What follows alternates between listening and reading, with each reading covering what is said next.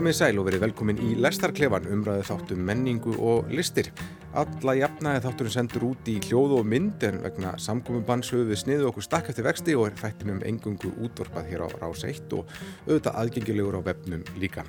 Í þættinum í dag ætlum við að einbinda okkur að list sem hægt er að njóta heima af augljósum ástæðinu. Við ætlum að byrja á því að ræða leikritið Skattsvikt Development Group sem var sýtt í streymi frá borgarleikusinu. Við föllum síðan um bíómyndina Bombshell sem er komin á leigur landsins og endum svo á spjalli um ljóðabókina Eiliðarnón eftir Ástufanneju Siguradóttur.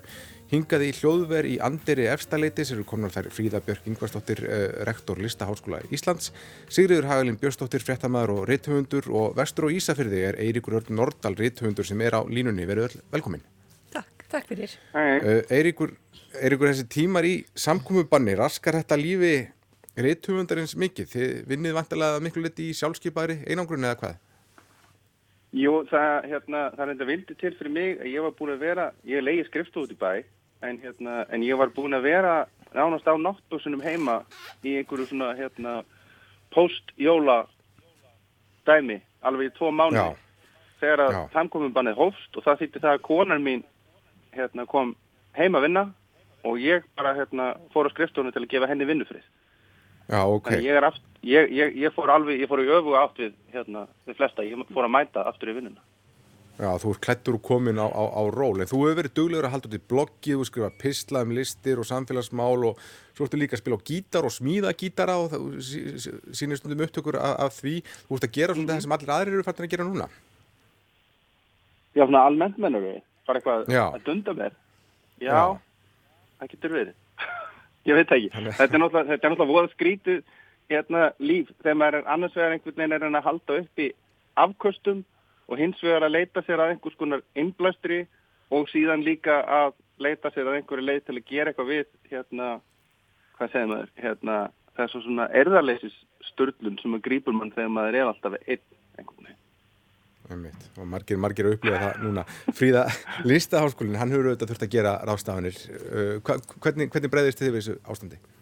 Við fengum í raun og veru kannski bara rétt rúma viku til þess að búa til fjárskóla úr listaháskóla sem var bara mjög ögrandi verkefni. Já, En hérna það hefur tekist alveg ótrúlega vel myndi ég segja og miklu, miklu betur heldur en ég hefði nokkuð tíma að geta ímynda mér. já, Og það hafa bara allir lagst á plógin og einhvern veginn hefur verið, verið færum að reka alla kennslu. Það hefur aldrei verið betri mæting hjá nefndum sem er nú bara alveg stórkoslegt. Og í raun og veru þá sjáum við ekki fram á annað en að geta lokið þessari önn, ekki með eðlilegum hætti eða sama hætti og venjulega, en með viðunandi hætti. já, Og mér finnst það bara mjög mikil svirði að allir hafi eitthvað fyrir stafni, að fólk svona finni til ábyrða sinnar og geti í raun og veru noti þess að fá að vera í skólanum eins lengi og mögulegt er. já, Það sem að hefur verið leiðilegt fyrir okkur er að við þurftum að taka ákvarðunum að leggja af útskriftarháttíðin okkar. Okkur finnst það ekki, ekki skemmtilegt af því að það er svona okkar leið til þess að miðla því sem við erum að gera og þetta er mjög greið leið að almenningi. Við höfum fengið svona í kringu 30.000 manns inn á þessa útskriftarháttíð núna í mörg ári röð og okkur finnst leiðilegt að geta það ekki en við munum finna einhverja leiðir til þess að miðla verkonum eiga síður, hvort sem það verður þá bara aðeins setna og uh, eftir að í raun og veru nefndur ljúka sinni vinnu en, en það er allavega svona einhvert plan í gangi við að endur skipulegja það. Mm. Listnám er að mörguleiti verknám, þannig að, að hvern, þið hafið vantilega þurft að sína einhverja hugvitsemi til þess að lesa þetta. Já, er, þetta er náttúrulega mikið þjálfunanám Já. og tækninám og í sumu tilveikum verknám og kennarar hafa bara þurft að sína mjög mikla útsjónasemi og ég hugsa að það gætu allir tekið minnstakosti meistranámi nótkun og Teams Já, sem að þjóðin þekkir núna út og inn og enginn vissu um fyrir mánuði síðan. Og það er bara alveg ótrúlegt hvað hægt er að fleita sér með tækninni. En það kemur náttúrulega aldrei í staðin við fyrir segi ég hérna þennan mannlega kontakt og þetta, þetta líkamlega návíi til dæmis í dansi og leiklist en við getum lifað við það í stuttan tíma og við megum heldur ekki gleyma því að það sem við erum að gera með nefnundum er, er ekki bara það sem er að gerast hér og nú. Þetta er, þetta er langur og, og svona eh, hátt stemdur bogi frá upphafi náms þegar fólk kemur inn og þangar til að til dæmis útskrifast eða frá upphafi vetra til vors. Og við megum alls ekki gleyma því að þetta er bara hluti af vetrinum eða hluti af kannski þryggjára námi sem við verum að vinna með þessum ólíka hætti og svo held ég líka að þetta gefa okkur svona sóknafæri sem að felast þá fyrst og fremst í því að við erum bara að læra ótrúlega hratt og örugla á möguleika fjarkenslu sem að þýðir að við getum kannski bara þjóna landsbyðinni betur hérna í frá til dæmis mm -hmm. með einhvers konar svona samblandi af staðanámi og miklu fjarnámi Já. og sömulegist þá held ég að við getum líka lært að miðla listinni öðruvísi sem að við höfum kannski verið óþarflega tregt til, ég veit ekki. Uh, Sigriður, Hagalinn, þú skrifaði skáltsúna Eiland fyrir nokkrum árum sem fjallar um hvað gerist ef Ísland lokast af og mörgum hefur verið hugsað til þeirrar bókar á þessum síðust og verstu tímum. Já, það er eiginlega. Uh, er þetta spilast eins og þú, þú, þú, þú sást fyrir? Ég ætla rétt að vona ekki. það er eiginlega. Ég fá, ég get ekki farið í búðina, þá er alltaf ykkur komið til mig, hvað, ert að kaupa svolítið mikið að kveitinum? ég er alveg, nei, ég hamstra ekki, ég ætla ekki að hérna, detta í þessa, þessa grifi. Þannig að, hérna, nei, nei, nei þetta, er, þetta, er, þetta er óvænt, óvænt svona búst fyrir, fyrir söluna þessari nokkur ára gömlu skáldsögu, en, en, en hérna, eins og ég segi, ég vona að, að það sé ekki, ég hef ekki reynst sansbáð þannig, mm. en það, ég, ég veit ekki, eins og, eins og þú segir, þetta er ótrúlega lærdomsrikt ferli að fara í gegnum þetta, ég held að einhvern veginn allir sé að læra á þessu Já. og maður finnur það bara, finnur það bara eins og, eins og í, í, í bara hérna á rúf, sko. Já það er allt í einu bara búið að sparka okkur svona rækilega inn í 2001. öldina bara með einu já, á einum fjarfundi, getur við sagt bara. Ja, en hvað heldur að gerist til dæmis bara fyrir leistamenn, ritthugund og fleiri þegar það er eitthvað svona heimsviðbörður í gangi og það eru einhvern veginn allir að taka nótísa því sama, þetta hlýtur að hafa áhrif bara á listsköpun bara til næstu ára. Það hlýtur bara að vera og ég held að sko Ég er enda sko, ég er að, ég er að vinna núna í, í fréttaskýringa þættinum kveik og ég voru að fegin að vera ekki að skrifa núna Já. vegna þess að þetta er svo órólegt ástand. Ég held að það, það, það dett einhvern veginn allir inn í þetta fyrir að fylgjast með fréttum og, og fylgjast með því sem er um að vera, um, því sem er að gerast í heiminum sko og það er svona, svona, svona kræmandi undir alltaf einhver og ég held að það sé mjög erfitt að detta ekki inn í þetta, að, að einangra sig og vera að skrifa um eitthvað tímalust Einmitt. akkurat núna Einmitt. Er, er ykkur leitar, leitar sóttin í skriftinnar hjá þér? Nei, ég hérna ég hef það svo nýbúin að skila af mér hérna bók þannig ég, ég set sem, sem er einlega hérna, ég fyrir kannski einlega ég veit ekki, einhver leiti hérna ég, ég er að setja yfir þýðingarsafni sem er ljóðaþýðingum Já. sem er einhvern veginn allt það er, það er alveg, alveg, alveg önnur vitt það sem ekkert af þessur til einhvern veginn að, að hérna, lesa hundra ára komur ljóð eftir Gertrúd Stein. Að hérna það er einhvern veginn og það er voða þægilegt. Þess að villi er maður náttúrulega í einhverju, einhverju panik ástandi að hérna að endur hlaða síður. Ég skrifaði þegar hrunið var þá skrifaði ég heila bók í svona panik ástandi skrifaði ég sagt, ljóð, ljóðabók. Og það er rosalega skrítið og það er rosalega það er raun og veru, mér fannst það rosalega frjókt að mörgu leiti að vinna í tannig ástandi og hérna og jafnvel bara gaman. En hérna en það er líka mjög tögatrækjandi og fer ekki endilega mjög vel með mann. Nei, Fríða, býstu við því að COVID-19 veikina, hún mynni lita listir næstu árin? Já, ég bara er eiginlega alveg vissun um það. En sko ekki bara eh, það sem á eftir að skapa og búa til heldur líka bara afstuð okkar til gamalla verka eins og til dæmis bókarinnar en að siggu. Já það sem að manni fannst svo gjörsamlega óhugsandi þegar svo bók kom út og var svo hrikali sviðsmynd við erum alveg skrefinu næra skiljana núna, þessa sviðsmynd. Mm. Við sá bara núna í hátteginu eða heyrði í hátteginu í frettunum að, að 100 ára einsemt og ástunatífum kólarinnar eru er að seljast núna í bílförmum, þannig að það er ekkert skrítið og, og svo eru bækur eins og til dæmis sem að mér finnst ástæði til þess að nefna líka sem að kannski taka á uppbyggilegan hátt á því sem að getur gerst verst í, í heiminum eins og til dæmis bókin hennar Rebekku Solnit sem heitir A Paradise Built in Hell mm. og fjallar svolítið um hvernig jákvæðir hluti getur sprottið upp úr mjög erfiðum atbyrðum í heimsögunni Já. og er greining á því og það er, það er það sem er áhugavert og ég held að ég eftir að ratin í listunar er það að, að það sem að gerist við svona uh, afdrifaríkar afdrifaríka uppstokkun á hverstaslífi og öllum mótelum sem við þekkjum í uh, okkar samfélögum er bara þetta endumatt og við munum þurfa við, við erum að horfa til dæmis núna bara á engaveðingaferli íhaldsflokksins í Breitlandi þeir eru einhvern veginn að taka yfir aftur það sem þeir seldu upp úr 1980 og svo, bara svo eitt lítið dæmi sem nefnt og svo framvegis og svo framvegis. Við gerum ekki ráð fyrir öðru en til dæmis að heilbríðiskerfi í bandaríkjónum verði endur skoðað eftir þetta. Allt í unni er Obamacare eitthvað sem allir myndir kannski vilja hafa eins umdelt og það var á sínum tíma. Þannig að þetta mun hafa áhrif á pólitík þetta mun hafa áhrif á tíðarandan og samfélagsbygginguna. Og þar með mun það hafa áhrif á listirnar því þær eru alltaf vitaskuld og eiga að vera að vinna í einhverju syngi við, við sinn samtíma og, og, og þann veruleika sem bara almenningu býr við. Og sama tíma þá þjappar þetta okkur einhvern veginn saman, ekki bara sko nattræðinlega líka bara í tíma. Einmitt. Og það er bara, hérna einhver böndum mér á að lesa bara hérna ingangin að upphásorðin að, að títæru på Cassius frá, frá 14. öld og það er bara eiginlega nákvæm lýsing á ástandinu sem bara við búum við núna, bara einhver pest sem verður til í, í Austurlöndum og færi smásaman til Ítali og bara leggur allt í rúst þar og fólk flýr einhvern veginn í einangrunnu út í sveitinda til að gera það. Það getur varlega verið sjálfsagt að það fari, mann finnst einhvern veginn líka hættulegt að maður verður ofgert hérna að þetta, en maður, þú veist, mm. uh, hugsaður með svo bara sjokkdoktrinn eða, eða þá pælingar allar saman, eða bara einhvern veginn aðgerðir ríkistjórnarinn sem að hérna upp á, upp á að, að fara að veita skatta áslátt og fólk getur látið þrýfa klósetin ódýrar heimaðu sér og, og hérna og fengi heimsend áfengi úr, hérna, mm -hmm. úr búðum og það er einhvern veginn, er einhvern veginn líka rosalega mikið tækifæri, alltaf þegar það er upplösnar ástand þá er mikið tækifæri til þess að gera stórar breytingar. En hérna, þær breytingar geta náttúrulega held ég farið nokkur með henni hvað átt sem er Já, en, þetta ástand minnum er á að Slavó Zizek sagði eftir árásundar á tvíbur og törnarna 11. september að það hafi gerst það sem bandaríkjaman voru alltaf að fantasera um sem byrstist í bíómyndum og bókmyndum og það má kannski segja það sama um, um ástandið núna við höfum myndið í gegnum bókmyndir og bíómyndir svona verið að leika okkur með þessa hugmyndum um, um pláur og, og svona sem gengur yfir og það leita mig leita ofta á mig ljóðlínur eftir Þóraðin Eldjátt sem er á þá leið það sem átt að vera þægileg lífslígi reyndist alveg satt og frekar óþægilegt.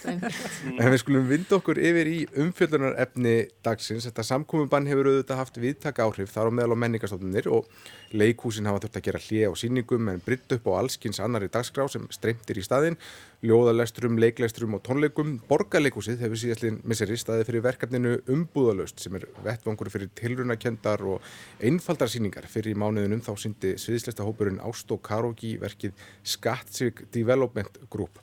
Þegar ljóstur að það stendi í samkominn bann var ákveðið að streyma verkinu á vísi og ég baði ykkur um að horfa á streyminsútgáfuna sem við fengum uh, hlekka á. Við varum að ræða verkið og kannski miðlununa hér. Uh, skulum aðeins fara bara í efnistökin Ástó Karogi. Það Sáleikhópur samastendur af þeim Adolfi Smára Unnarsinni, Byrni Jóni Sigursinni, uh, Fredriki Margreðar Guðmundsinni, Mattias Tryggva Haraldsinni og Stefáni Yngvar Viffúsinni og Skattsvík Development Group. Það gengur í stuttumál út á það að hópurinn er að reyna að stopna skúfufélög í öðru löndum til að komast hjá því að borga skatta af laununum sem þeim fá fyrir síninguna. Fríða, hvernig fannst þér þetta verk? Mér fannst þetta alveg óborganlegt og bara einhver skemmtilegasta kjænslustund sem ég hef verið í, ég verð að segja það að þeir eh, bæði gáttu gert svona góðlátlegt grína sjálfum sér og svo var þetta náttúrulega bara mjög afhjúpandi umfjöldun mm. í alla staði og ég bara verða að gefa borgarleikur svona kredit fyrir þetta uh, framtak umbúðalaust sem að mér finnst vera flottu vettvangur fyrir uh, svona þá sem eru kannski að feta sín fyrstu skref í, í fagum hverfinu til þess að láta það sér kveð og koma hugmyndum á framfæri mm. þó að sé kannski ekki unnar alveg út í hörgul Nei, þetta er mjög rátt Já, þetta er mjög rátt en það er samt sem áður mjög skýr kjarni og framvindan í verkjunu er ótrúlega góð og mér fannst til dæmis bara, eh, það var svo margt sem þeim einhvern veginn tekst að eh, svona svifta huluna sem að maður, þó maður þekki efni við henni í raun og veru mjög vel, var kannski ekki alveg viðbúið að, að væri svona auðvelt. Mm og það er mjög sjokkirandi að átta sig á því að, að sko kókflöskunnar til dæmis og sviðunni standa fyrir þessi 30% af fjármagni heimsins sem er í sangjartri umferð og, og fullaflaskan sko 70% sem er til viðbúta þar er fjármagn sem er í skattaskjólum. Já. og þannig að þetta er svona bara doldi vel ígrundað hvernig er að setja þetta fram. Og mér fannst líka doldið aðtilsvert að sko sjá þarna koma fram nýja kynstu af leik húsfólki sem að er í raun og veru að tala svona beint inn í sinn samtíma og eh, sko með mjög gaggrínum hætti og eh, einhvern veginn vil ekki fyrir sér að afhjúpa veikleikana sem að, þetta er mjög augrandi verk á marga máta, veikleikana sem við höfum einhvern veginn sætt okkur við mm. Að megi viðgangast í þessu samfélagi sem við, sem við byggjum. Já, upplegi er bara það, þeir eru bara, þeir eru alltaf bara að prófa þetta, finnst það, geta, geta, geta þeir ekki bara slepptið að borga skatta eins og aðrir. Já, já, en það sem er svo afhjúbandi er að á endanum þá hafa þeir ekki, í raun og veru kannski ekki efna á því, Nei, sem er náttúrulega alveg ótrúlega sorglegt. Þetta er náttúrulega frábær gjörningur. Já, þetta er frábær gjörningur og ég Það kom það verða að segja... Ítla launaðir. Já, en það geta einhvern veginn allir fundið sér í þessu. Maður hefur samú með þeim og það sem að sko mér fannst áhugavert eh, var þetta orðfæri sem þeir voru að nota sem að við notum gjarnan um allt sem er að gerast í samfélaginu. Þeir voru alltaf að tala um hvað þjónustustíði var gott Já. og það var náttúrulega lígilega gott. Já. Já, Eiríkur, hvernig fannst þér verkið? Mér finnst það mjög gott sko. Mér finnst það hérna, hérna, uh, hvað sem er, mér finnst því sjálfu sér, sko, ef ég að finna eitthvað að því, það var einhvern veginn það að hérna, þeir, sko, það er eins og þeir hafi ofstuttan tíma til að gera það. Að þeir eru einhvern ná ekki að klára það.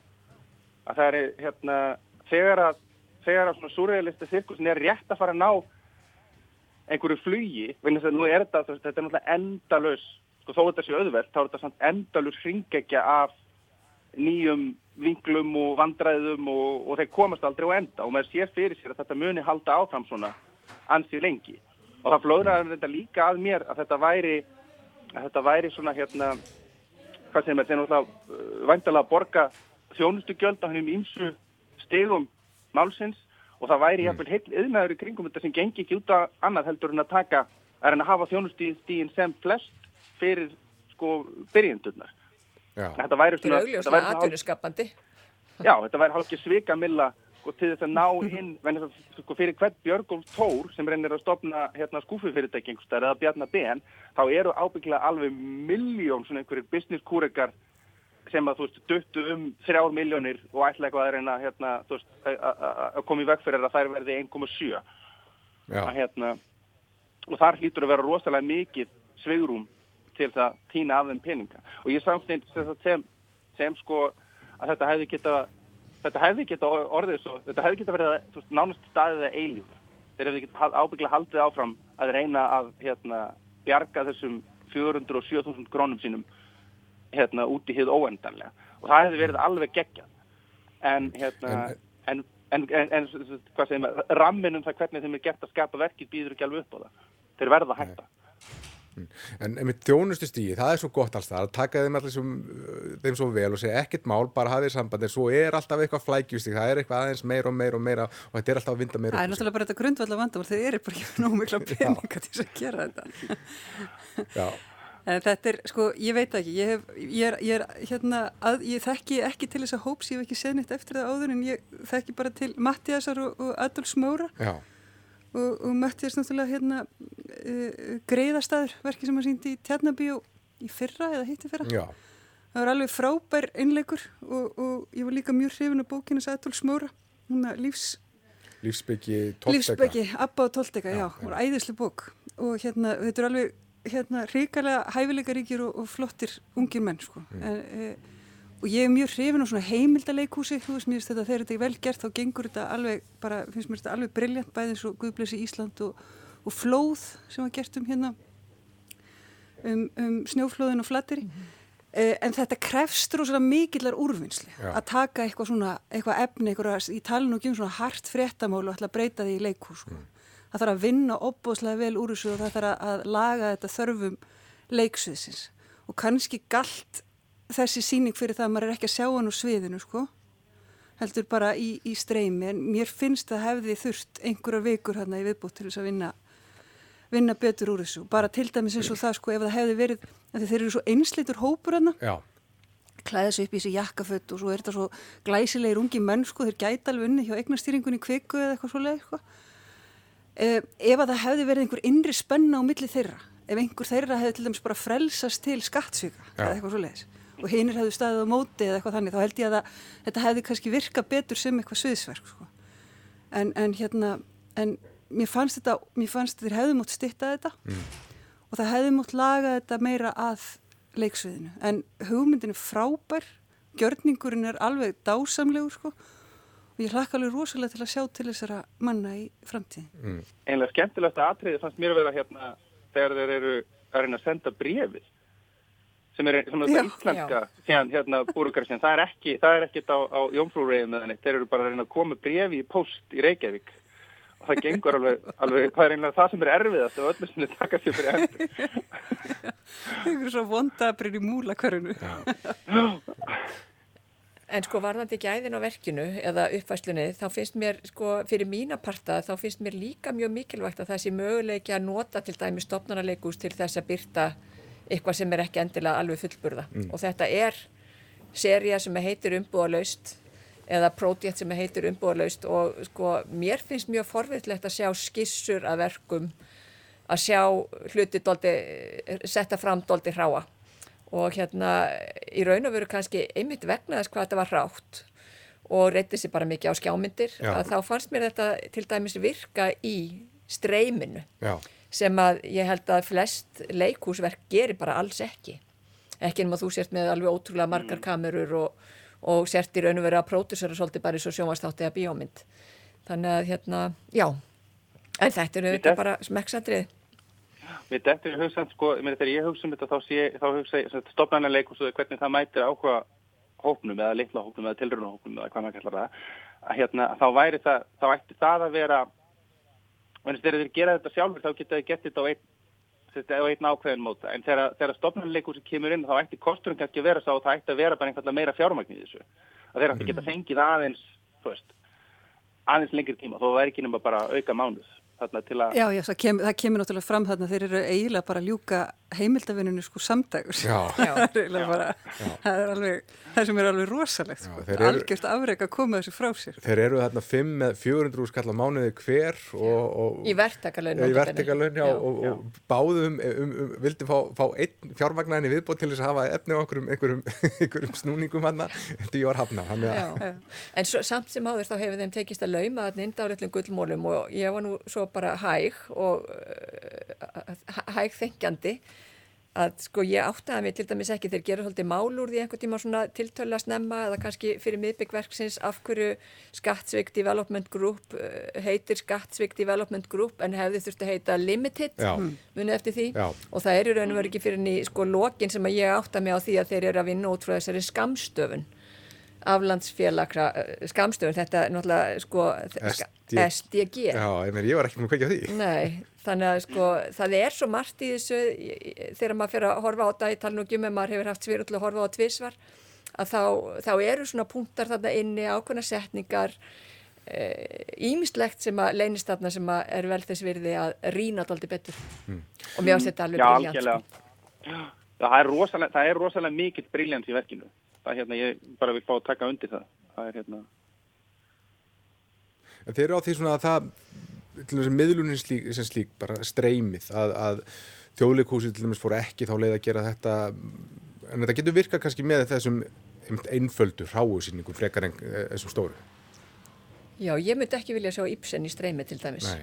Eða stóra Shakespeare síningu Ég held að fara nú líka eftir pródúsjón, sko, hvað eru margar myndavélar og svona. Já, ég menn þessar auðvitað. stórar óperusýningar í Metropolitan hafa gengið fyrir fullum húsum hérna Algjörlega. í bíóunum, sko. Já, En það er mikil tækni þar að baki. Já, ég menna það þarf náttúrulega að leggja þá rosalega mikið í það til þess að það gangi upp, sko. já, Og náttúrulega... það þarf þetta að komast í bíó til að sjá það líka. Já, ég tala nú ekki um. Jafnvel á Ísafirði Já.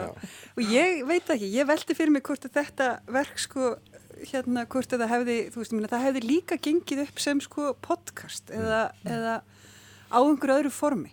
Þetta hefði ekkit endilega sko, mér fannst inntækið vera æðislegt sko, mér finnst efnið kannski svolítið bera formið ofurlið í Já. þessu tilviki sko. Ég, hérna, hefði allavega þurft að vinna eitthvað meira með leikumsformið til þess að þetta gengi alveg 100%.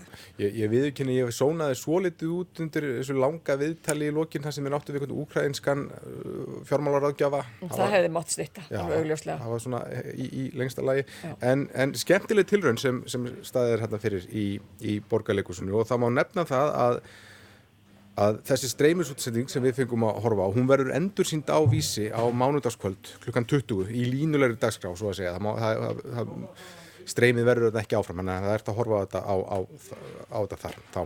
En við skulum skiptum gýr og ræða um myndina Bombshell sem kom út sent í fyrra, en er nýta dottirinn á myndbandalegur fjarskipta fyrirtækjana. Uh, myndinni er leikstýrt af Jay Rhodes sem er hvað þekktastu fyrir Austin Powers myndinar, uh, gamma myndinar, en hann hefur einbætt sér að alvarlegri verkum í setnin tíð og með aðalhutur hvar þær Charlize Theron, Nicole Kidman, Margot Robbie og John Lithgow. En myndin fjallar um nexli á sjómanstóðinni Fox sem er eftirlæti sjómanstöðu Donald Trump og þeirra sem eru hvað lengst til hægri í bandaríkjunum og þetta fjallar um það þegar Roger Ailes, forstjóri stöðvarinnar, rökklaðist og starfi eftir að hafa orðið uppvísað kynferðisleiri áreitni um langt skeið. Og sagan er hérna sögð frá sjónarhóli fréttakonunar uh, Megan Kelly sem var og er einn skærasta stjarnar stöðvarinnar og gerist það sama tíma og Donald Trump, Trump er að bjóða sér fram til, til bandaríkjafósita. Er ekki rétt á að byrja að spyrja fréttathulinn? Sigriði Hagalinn, hvernig, hvernig fannst þér þessi mynd? Það er svona þegar ég er svona fulltrúi ljósara sjónarsettakönda. þetta er náttúrulega Þetta er mjög skemmtileg og mjög óhuguleg mynd um, um, og náttúrulega bara þessar týpur þarna, þessar, þessar ljósarðu fréttakonur sem eru, eru bara eins og klónaðar þarna, hver út úr annari sko, þetta er náttúrulega, þetta er eitthvað svo surrealist surrealísk uh, bara þess, þessi stöð, þetta fyrirbæri sko. Um, ég sko að Mér kannski, það, það er kannski, þetta er kannski öfugt við skattsvík, skattsvíkin að, að þarna fannst mér kannski formið svolítið bera efnið ofurlið. Já. Þetta er æðislega mynd sko og ég hafði mjög gaman af hennu allt það og, og ákveðinu hluti sem eru mjög trúverðir eins, eins og bara þessi algjöru skortur og glamúr á reytstjórnunum mm. sem við þekkjum bara hvar sem við komum í heiminum að það er verið að hrúa fólki saman hann í einhverja litla bása þess að þeir eru í einhverju, einhverju stöppu að, að vinna úr, úr, úr efninu sko.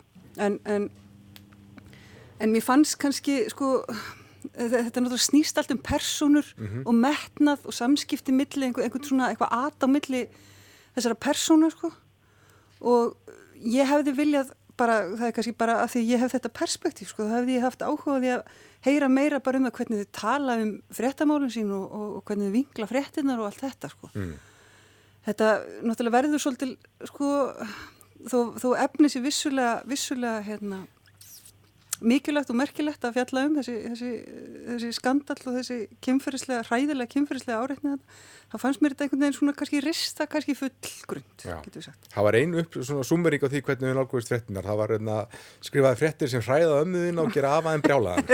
það, var, e, það var mjög góð, en ég meina, þú veist, leikurinn í þessari, það, það er náttúrulega þrjár og John Lithgow sem er er, þær eru allar alveg frábærar. Og uh, sérstaklega kannski Margot Robbie Já. sem ég er alltaf að vera hrifnar og hrifnar af sko. Það leika svona frekar ósympatískar personur en maður fær smám saman samú með þeim í þessum, í þessum aðstæðum og Margot Robbie sem leikur hérna einhvern veginn svona þessa ofbúðslega metnaðafullu ungu konu sem er samt einhvern veginn skjálfandi af óryggi og þessi Já. sena þar sem hún er beðin um að sína á sér fótleikina ég held þetta sé, held ég besta lýsing á kynferðisleiri áreitni sem ég hef séð mm. í bíómynd, mm. alveg skjálfileg Persóna hennar er svo eina sem er skáldu þarna hún er samsett úr nokkrum personum og, og sem er búin til hennar er byggja á raunverulegum fyrirmyndum. Eirikur, hvernig fannst þér Bómsjálf?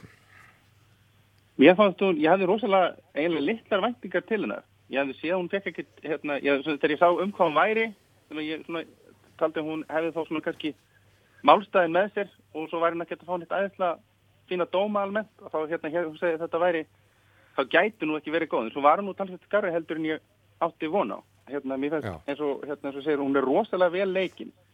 Að hérna John Lithgow og mér fannst hérna hún Charlize Theron það er ekki líka bara, mér fannst hún svo mér fannst hún ná Megan Kelly svo rosalega vel.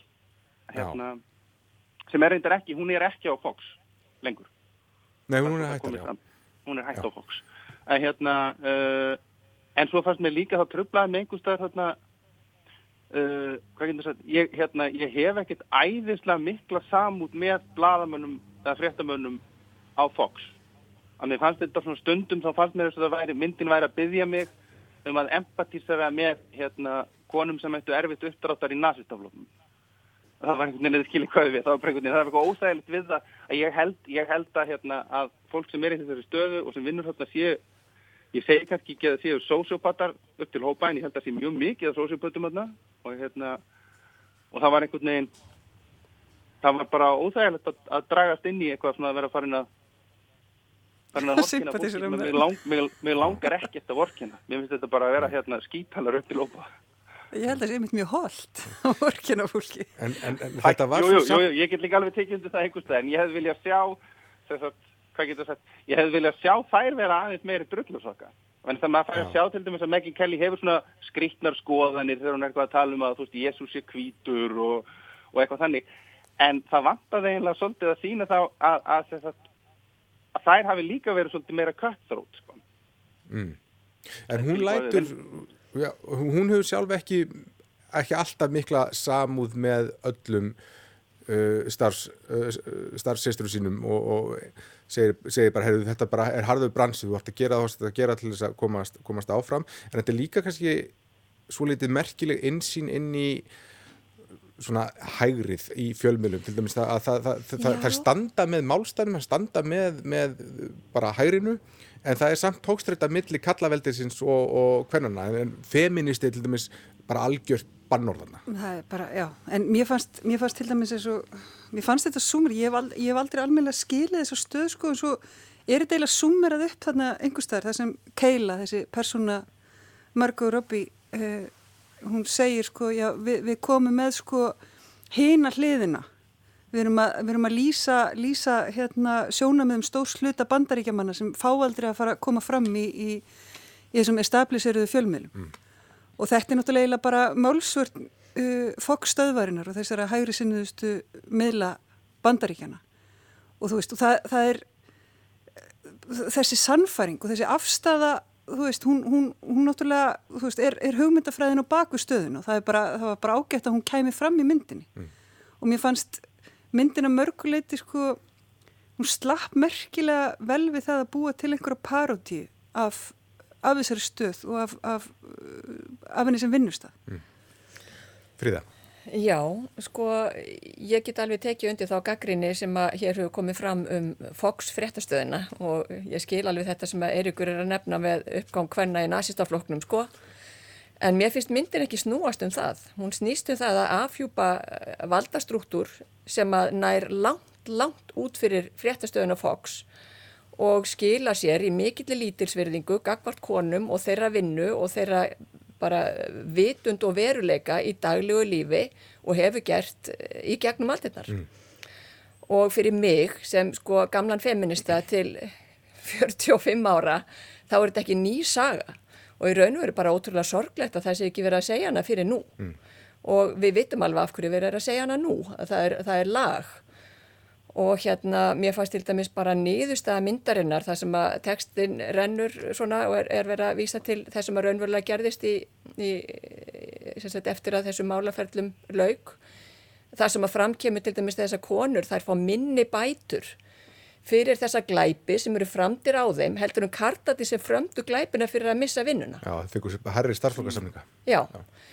skiljið, þannig að sko á þann máta fannst mér þessi mynd vera svona pólitíst sterk og hún segir mér sem konu, ég hef líka verið unnið á bladi og innan fréttamiðils í, í hérna sko heilan áratug og þetta geta verið og í mínu tilviki var bara sérstaklega í upphafi mjög karlægur vinnustæður mm. og það voru karlægildi allstaðar líka í fréttamati, í vali á fólki sem var ákveð að tala við og við konurnar og þeim miðli á þeim tíma í upphafi þessar aldar þurftum að gera gangskur í því að breyta þessu. Og ég er alveg sannfærið það og nú get ég talað af, af, af svona reynslega þegar ég er ón svo gömul að sko ég held bara nánast allar konur af minni kynnslóð sem að voru að fara inn á vinnumarkað upp úr 1980 hafi upplifað í sínu vinnu umhverfi umtalsverða hvern fyrirlitningu og það er hafa orði fyrir niðurlægingu ítrekkað og ég bara þekki það á einn skinni. Og vonandi ekki margar þurft að niðurlæga sig með þeim hætti eða selja beinleginis líkamassinn til að halda störfunum sínum eins og, eins og raunin er í þessari mynd. En þetta er alveg grav alvarlegt og við erum að tala um eitthvað sem er að gerast bara fyrir örfáum árum síðan. Eftir alla þá byltingu sem átti sér stað á sjönda áratögnum, eh, já, í kringu 68 kynnslóðina, eh, með, þið vitið, kvennafræðum og, og kynjafræðum og aukinu upplýsingu, betri fjölmiðlum og svo framvegis og svo framvegis. Samt sem áður er þetta bara eiga sér stað í daglegu lífi hvenna út um allan heim og þá finnst mér í raun og veru ekki sko skipta máli hvort þar eru að vinna hjá Fox eða einhver starf annar staðar því þetta er bara sko, þverskurður af því sem að margjur upplifa. Mm, þetta geimitt geti bara verið saga frá Hollywood sem er, sem er frjálslindið sem, sem bara Fox News þólir ekki. Mm. En, en ég, ég myndi samt vilja halda ég myndi samt verið að halda því til haga þó ég sagt, hérna, uh, minna þó að sagan sé, þú veist, ég tekja algjörlega undir það að sagan sé mjög mikilvæg og algjörlega undir það að þessi struktúrar séu uh, víðast hvar í þjóðfélaginu og hafi verið hérna, um áratíu árhundruð hérna, að þá sé það samt val, það er bæði listrænt og pólitíkt val að velja að segja þess að sögu innan úr fréttastofu Fox, sérstaklega mm. í ljósi þess að þú gætir gengið inn á nánast hvaða vinnustad sem er og sagt hana. Þú gætir þess að vali... Sko, sko, ég held að þetta sé, Fox er eins og vinnustæði frá 1900 og kannski, ég veit ekki, 70 eða 80 eða eitthvað svolítið. Það er kannski það sem er sjokkrandi við þetta. Mm. Veist, ég er búin að, vinna á fjölmjölum síðan og síðustu öld og ég kannast ekki við þennan vinnustæð sko. Auðvitað ég kannast ekki við þennan vinnustæð heldur þó ég hafi nefnt minn gamla vinnustæð. Já, auðvitað ég þekki, þú veist, maður þekkir mað, mað þekkir einhver element af þessu. Þetta er Já. náttúrulega, þetta er náttúrulega, hérna, þetta er náttúrulega absúrt, en svo þarf maður ekki að fylgjast með þessum, fylgjast með þessari stöð bara til þess að sjá klæðaburðin á, á fólkinu og áhersluðnar og hvernig komið fram við konur í þessum útsendingum til að vita auðvitað er þetta, auðvitað er þetta, er þetta einhverju leiti byggt á, á, á, á ástandinu eins og það allavega var og, og sennilega er ennþá vegna þess að það verist ekki mikið hafa breyst hjá stöðinni. En þetta er náttúrulega líka gildin sem þessi stöð er að selja. Hún er að selja e, ákveði hefðbundið kynhlutar hvenna og, og, hérna, og þjóðfélagsgerð frá já, miðbyggi 20. aldar. Þetta er náttúrulega gríðarlega íhaldsum gildi og það er verið að selja þessi gamlu gildi. Það er alveg augljóst. Mm. En það breytir ekki því að sko vandin sem verið er að fjalla um, hann er sko líkur í allri heimsmyndinni. Já, já. Og, og sko það er svo, það er svo auðvelt fyrir okkur sem að búum við eh, tilturlega mikið jafnrétti á heimsvísu hér á landi að, að sko fordæma staði það sem að eh, umburðalindið er bara ekki það sama og upplýsingin er ekki svo sama og það sem við búum við og við getum bara hort í marga heimsluta til þess að sjá samsvaranir hvað það varðar. Mm. En það kemur á móti sko eins og fjölmjöla, því ég lærði nú bladamennsku í New York uh, á, á, í upphafi þessarar aldar mm. og hérna, þú veist, og þessi mynd sem er dreyin upp á fjölmjöla heiminum í New York er ekki ekkert sem ég hefði kannast til þá, til dæmi sko. Og auðvitað þó að Fox News séu með höfustöður í New York, þá finnur líka uh, bara best mentaða og, og frálslindasta fólk í heimi. Þú finnur það líka á austurströndinu og vesturströnd bandaríkina. Þannig að, það, þannig að það er ekki að dæma allt þetta samfélag út frá nákvæmlega þessu, ekki frekarinn út frá Donald Trump eða, eða, eða Weinstein-málum. En það kom það skipt fram í myndinu að það voru aðri fjölmjöla sem voru að vinna einmitt með þetta Fox-mál sem að mm. díluði við það á mjög svona upplýstan hátt. Mm -hmm. En er þetta einhverju leiti myndu það þegar nútíminn bera dyrum hjá Fox-stöðinu og dónakallanum er er útýst, Eirikur? Ég er ekki hérna, sko, eins og, seg, eins og hérna, þegar voru að segja, þá hérna, sigga og fríða, þá náttúrulega er sko, stöðin náttúrulega stendur fyrir fortíðina. Hún er ekki, ég held að nútíminn sko, hef ég aldrei innreið sína beinlinis á þennan stað. Ég held að þetta sé ekki staður nútímans, þetta er staður nostalgíunar, þetta er staður þetta, fortíðarinnar. Og eitt af því sem ég segi þegar ég er að segja ég er erfitt með að sympatisera með hérna, starfsmunum stöðvarinnar er að veist, þeir eru náttúrulega samsíkir þessu öllu saman mm. og ég reikna með því að, að, að sko, veist, það eigi þú veist, eða mér ekki, þú veist, ég reikna ég veit bara, það á alveg við um konurnar þarna líka, þá líka við um hérna, Söru Peilin fígururnar og, og, og alla hinna, að þessi heimur mm. Hann er að starfi því og síðan sko að það kom upp, þessir hlutir kom upp og þessi gerð sagt, ákveðin byltinga hvert þeim allavega tímabundi, þú veist, eða í, í, í þessu augnabliki sem er myndin á þessu stað. Ég veit ekki hversu mikið það hefur að segja, ég veit ekki eins og hversu, hversu mikið það hefur með einhverja, þú veist, innan hús pólitíka að gera. Eða, ja, eða hvað, en, en, þetta er bara ekki alveg hlutur sem ég skil þannig, sko.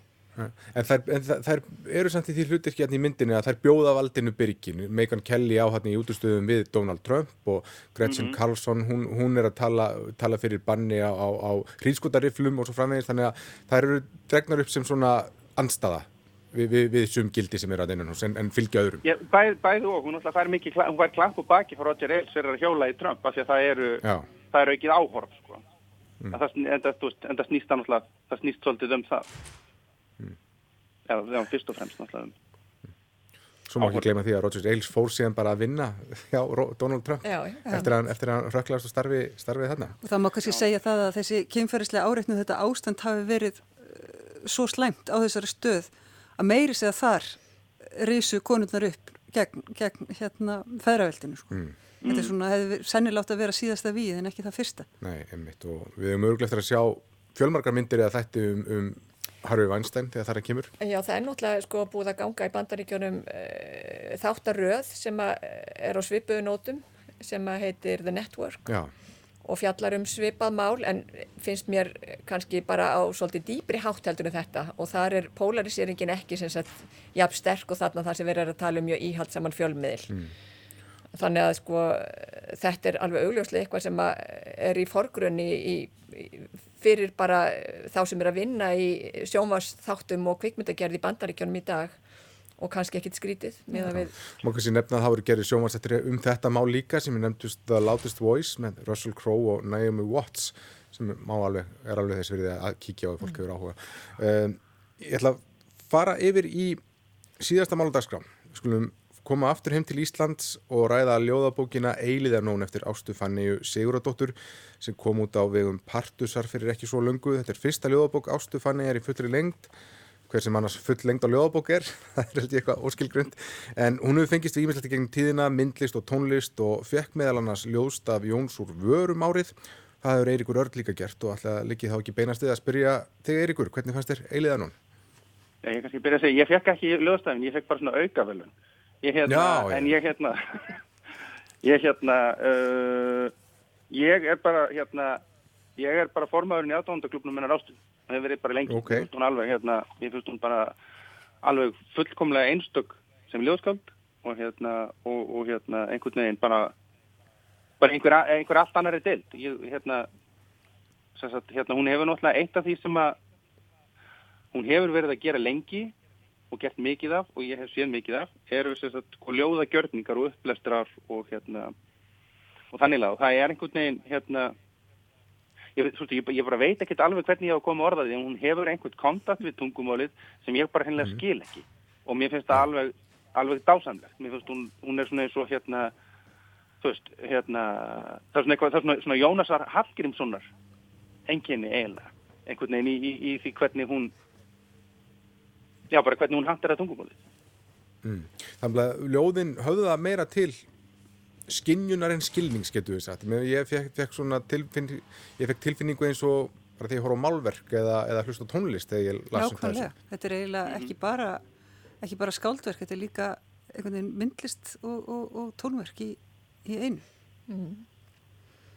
Hvað séð þú fyrir það? Já, ég ætla að fá að vera varaformaður í aðdóndafélagin en Ástu Fanniar með Eiriki því að ég er alveg stött á sama stað og hann og mér finnst hún hafa óvenjulega sterkar rödd og svona rödd sem sker sjúr, hún er mjög einstakar rödd, hún er engum lík. Og pínulítið sversi í, í, í sömu ætt og sko Kristín Ómarsdóttir var fyrir mína kynnslóð sem hefur alltaf -hmm. einhvern veginn haldið í sína einstöku rödd uh, innan sína kynnslóðar og hún hefur, hún ástafanni alveg sérstaklega góða tilfinningu fyrir myndmáli, það er alveg einstakt og kannski er það vegna þess hvað hún er, hún er svona fjölhamur listamæður, hún þið veitir tekur þátt í tónlistagjörningum og því sem að þú ert að lýsa er ykkur og virðist einhvern veginn finna sér þvert á svona mæri listarinnar, mm. það er ekkert sem að temur hana.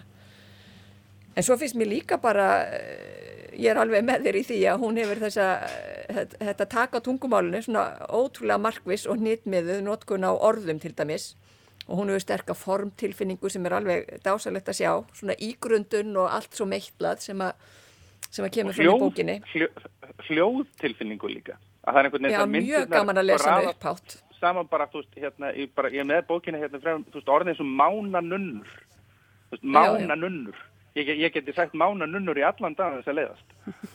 Já, og formið líka hvernig hún setur sko, orðið nýður á bladi, það er mjög fallegt.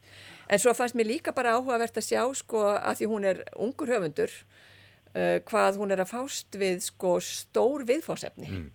Og hvað heimur ljóðmálsins uh, í, í þessu tilviki, í þessari bók, er stór. Þetta eru gríðalega stórar, tilvistalega spurningar sem hún setur fram og mér varst fallegt að sjá hvernig það eru oft grundvallar í til dæmis bara þekkingu okkar á, á uh, alheiminum og hún kemst þarna svona einhvern veginn í tæri við það sem að kannski fyrir, skált fyrir tíma hefðu, hefðu kallað guðdómin og, og leita kannski á, á náður trúabræðina fyrir ekkar heldur en vísindana eins og hún gerir sem mér finnst mjög uh, fallegt og, og áhrifaríkt þannig að mm. ég hérna, ég finnst þetta alveg frábær bók og einn ein besta ljóðabók sem ég hef séð lengi fyrir utan hvað hún er falleg Já, þetta er óbúslega falleg útgáð hjá, hjá sem partus sem er lítið forlag Já. en mjög metnaðafyllt Mér fannst sko mér, ég vísu sko ég er mikið prósamanniska þannig að, að ljóð sko þegar þau eru sko kannski meiri frásagnarljóð eða það er einhvern svona meiri afgerandi sá sem mælir fram ljóð eða einhvern veginn svona meiri afgerandi hefur kannski verið uh, svona mín deild af ljóðum. Þetta er ekki þannig ljóðabokk Nei. hún einhvern veginn tekur orð og, og svona skoðar þau og þetta eru svona litlir einhverju svona heimar sem hverfast um sjálfan sig eða, eða svona takið orðin svona einhvern veginn kvikni myrkri með einhverju svona daufu bjöllu hljómi eða, eða, eða eitthvað svo leiðis um, sko mér sumt, ég hefði alveg sko, ég get alveg tekið undir það sumt hefði ábyggilega, er ábyggilega sko ætla til þess að til þess að lesa, mm. til þess að flytja upp átt frekar en að lesa bara einn heima í, í sófa eins og hérna flokkurinn sem heitir eða kaplinn sem heitir Sápa. Emmi. sem byrjar eiginlega bara á hljóðum.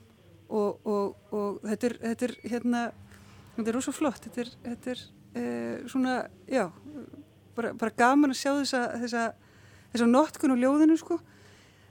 Sumt að það sko bara finnst mér að hefði kannski máttur aðeins markvisara mm. eða bara ég, þetta er bara minn smekkur ég hef meira gaman af ljóðum sem hverfast um einhverja kannski hugmynd eða frásögn eða eitthvað svolítið og þetta er, þetta er opbúslega abstrakt heimur mm. og torræður. Já. Hann er ekki, já, mér finnst það nú ekki torraður en mér finnst það, hann er mjög abstrakt og mér finnst það ótrúlega skemmtilegt að sjá einhvern sem að treysti sér inn á þann völl, það er mjög erfitt mm. að sko hasla sér völl í, í abstraksjón en samt sem áður þá er hún líka með sko myndir sem eru svo skýrar eins og til dæmis bara, það er eitt ljóð um ljóð, hvað ljóð er á blæðsíðu 21 sem er alveg gríðarlega fallegt. Getur þú lesið það fyrir okkur? Já, uh, já, ljóðið Glerkúla snýst í ringi, geymir tíma og líf, snúningspunkturinn innst, kjarni úr galdri. Og þetta er svolítið það sem þú varst að lýsa, að hérna, þarna býr ljóði, þarna á ljóði heima. Mm. Og mér fannst ég til dæmis bara þessa daga síðan ég fekk bókina aftur í hendur, ég las hann um jólin og gaf hann og svo að ég var svo hrifin af henni.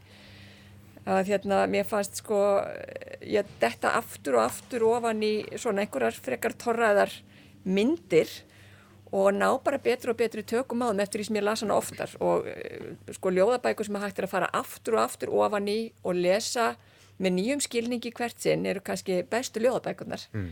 Það er svona það sem allavega höfða til mín. En Það má kannski segja líka bara hérna svo það komið fram að hún er líka rosalega skemmtileg á köflum, það er alveg ofta mikið skrítin húmor, þú veist það, það eru línur eins og hérna ég kom ekki hingað til að tampusta úlfa sem að hérna við tökum þeim alveg, hérna, alveg dásamlegar.